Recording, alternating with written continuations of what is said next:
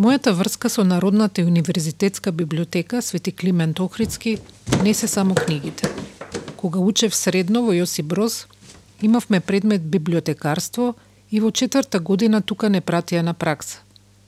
Јас и другарка ми Гордана помагавме на пултот. Научивме што е тоа сигнатура, која е логиката на децималниот систем на класификација на дуи, кој доаѓа во библиотеката за да чита, а кој да пие чај во бифето. Библиотеката беше преполна, се чекаше на ред за воопшто да се добие место во читалните. Еден дечко со брада доаѓаше секој ден и бараше обскурни и навидум неповрзани книги. Ниче и физика, историја на музика и математика. Ги нервираше вработените со нарачките кои ги пушташе и 15 минути пред затварање. Се запознавме таму, на пултот, а денес ми е сопруг. Во библиотеката работеа или се уште работат еден куп мои пријатели и роднини. Атмосферата во неа секогаш ми била свечена, како влез во храм. Сепак имаше една просторија каде што никогаш порано се нема всимнато, повеќе скали под земја. На вратата пишува забранет лес. Депото каде што се чуваат книгите.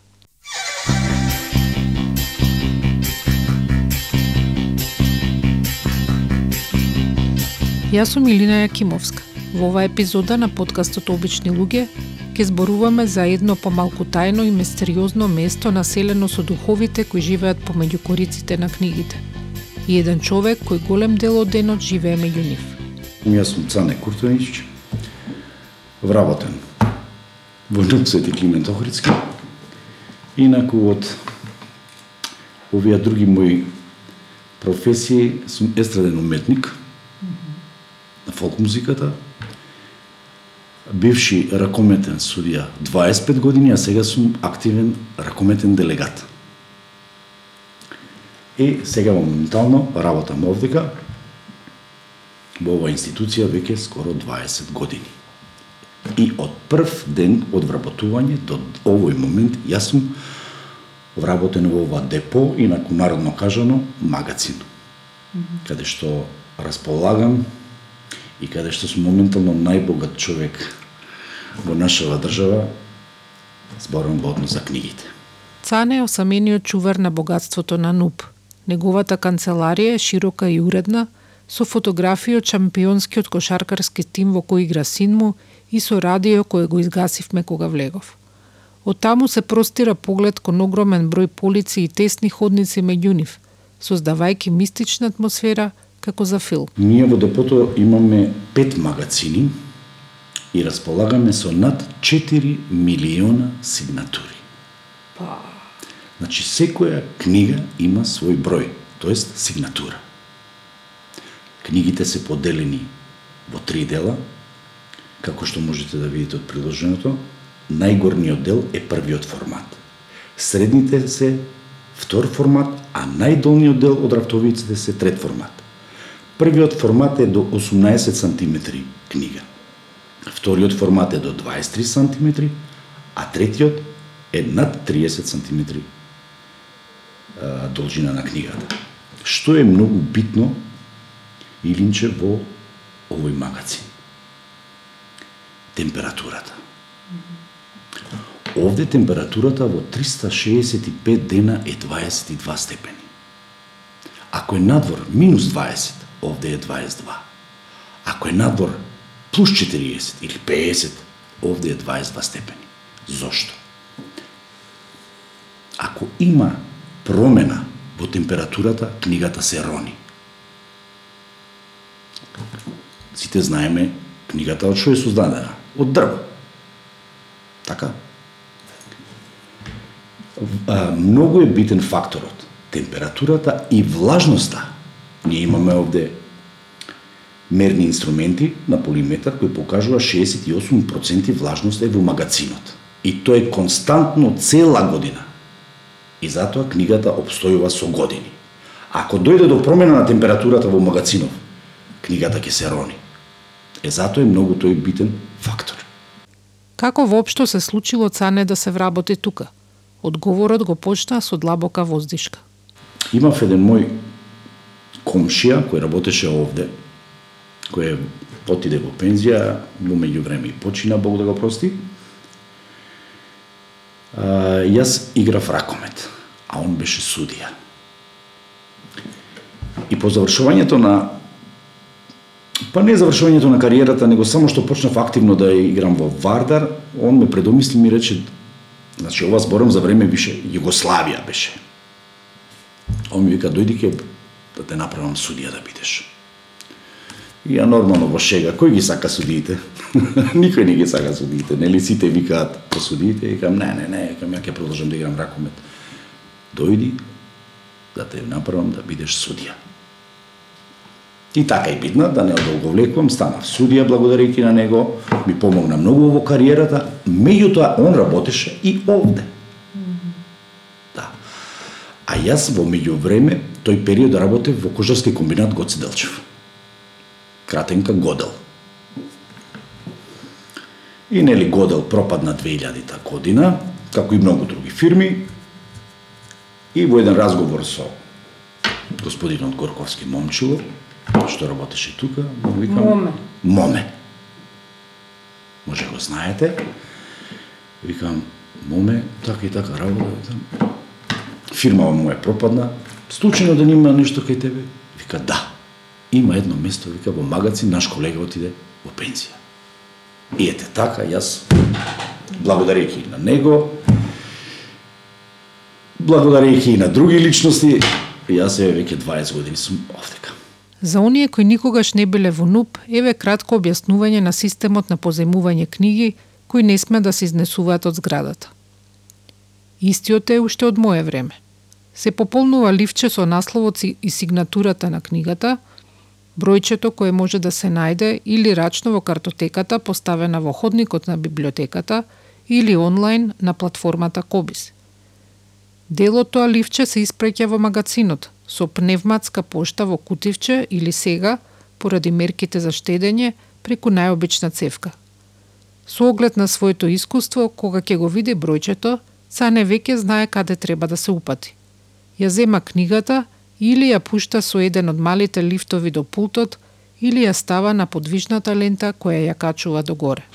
Значи, доаѓа тоа пластичната кутија во корпата, се зима, и вадите овие задолженија и одма гледате што е напишано за нив. Дали е монографска публикација, дали е серијска публикација, монографска народ, народна да, да, да ме разберете, народ, монографска е обичните книги, а серијска е списанија. Е. И ние магационерите во моментов сме двајца, јас и колегата Пане. Јас сум во една смена, во друга смена, значи се менуваме неделно. Прва, втора. И по самото тоа кога ќе ги видиме задолженијата, одма знаеме за што се работи. Било која книга странка бара, ја зимам книгата, ја ставам на, на лента, стискам копчево и лентата патува горе на пултот кај што се колешките за издавање. И ова од секогаш од кога сте вие тука е вака? Да. И мислите дека има потреба нешто да се менува во овој систем или добар си? Ова е, ова е, знаете што, библиотека е пред 70 години правена, а лентава е правена од германски инженер. Нема отказ имен. Значи, нема промашај. Така. Затоа што погледнете, низ цела библиотека е, за да не ги носите во раце. Книгите само стави на лента, притисни дугмите, а си патува, си патува, гледате има кружни текови, о, о тука доаѓа, так и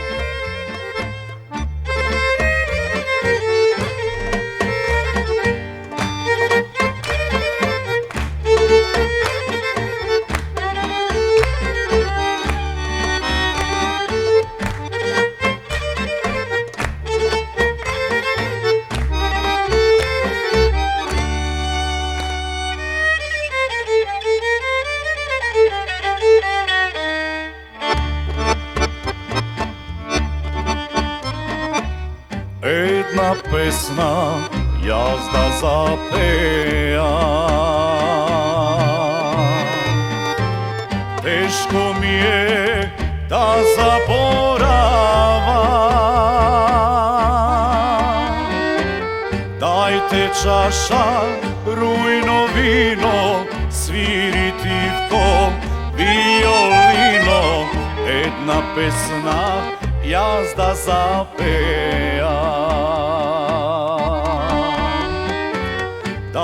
Чаша, рујно вино, свири тивко, виолино, една песна, јас да запеа.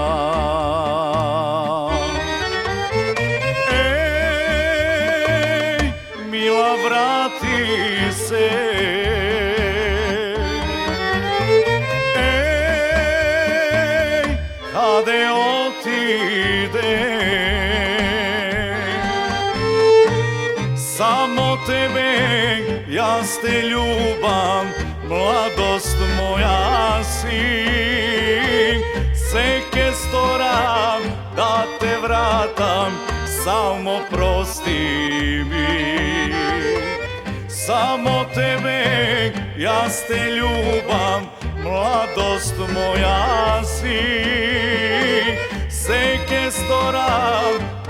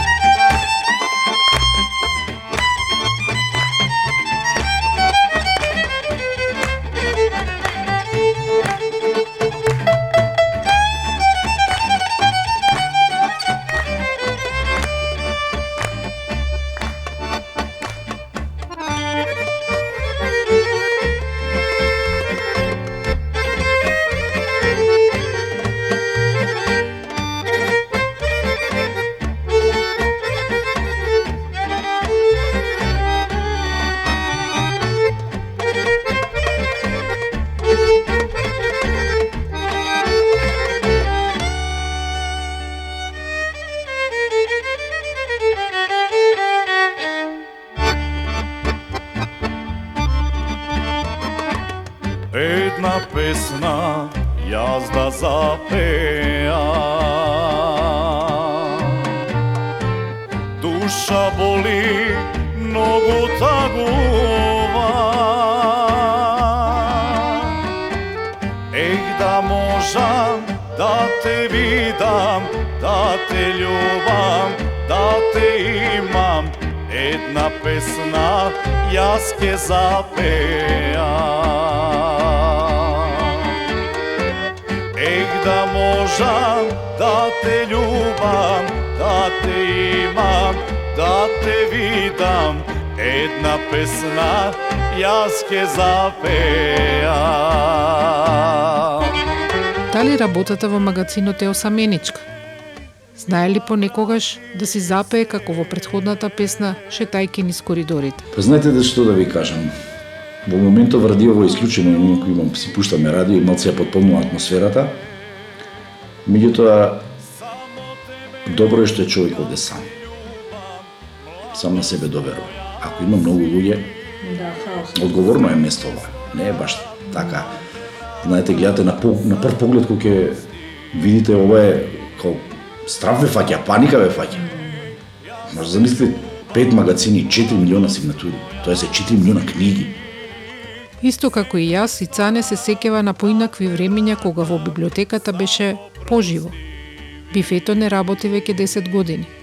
А додека го правевме интервјуто, ни севката не помина ниту една нарачка. Во тој контекст, тој има и една желба. Па ја би ми било желба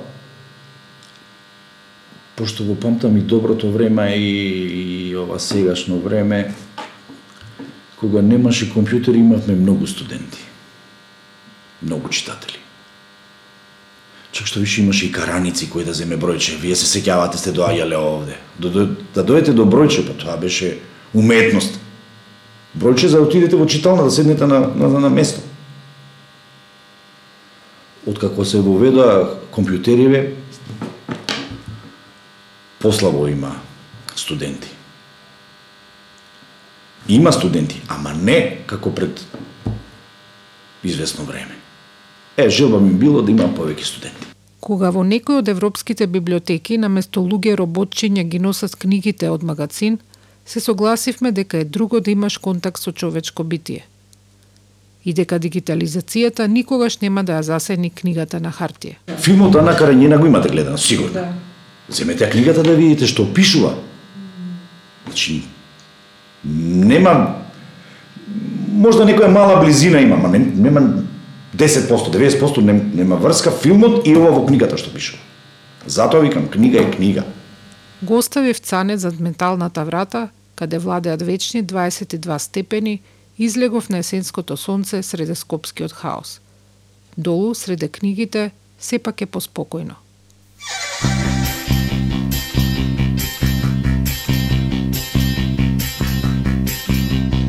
Ја слушавте 25-та епизода од подкастот Обични луѓе.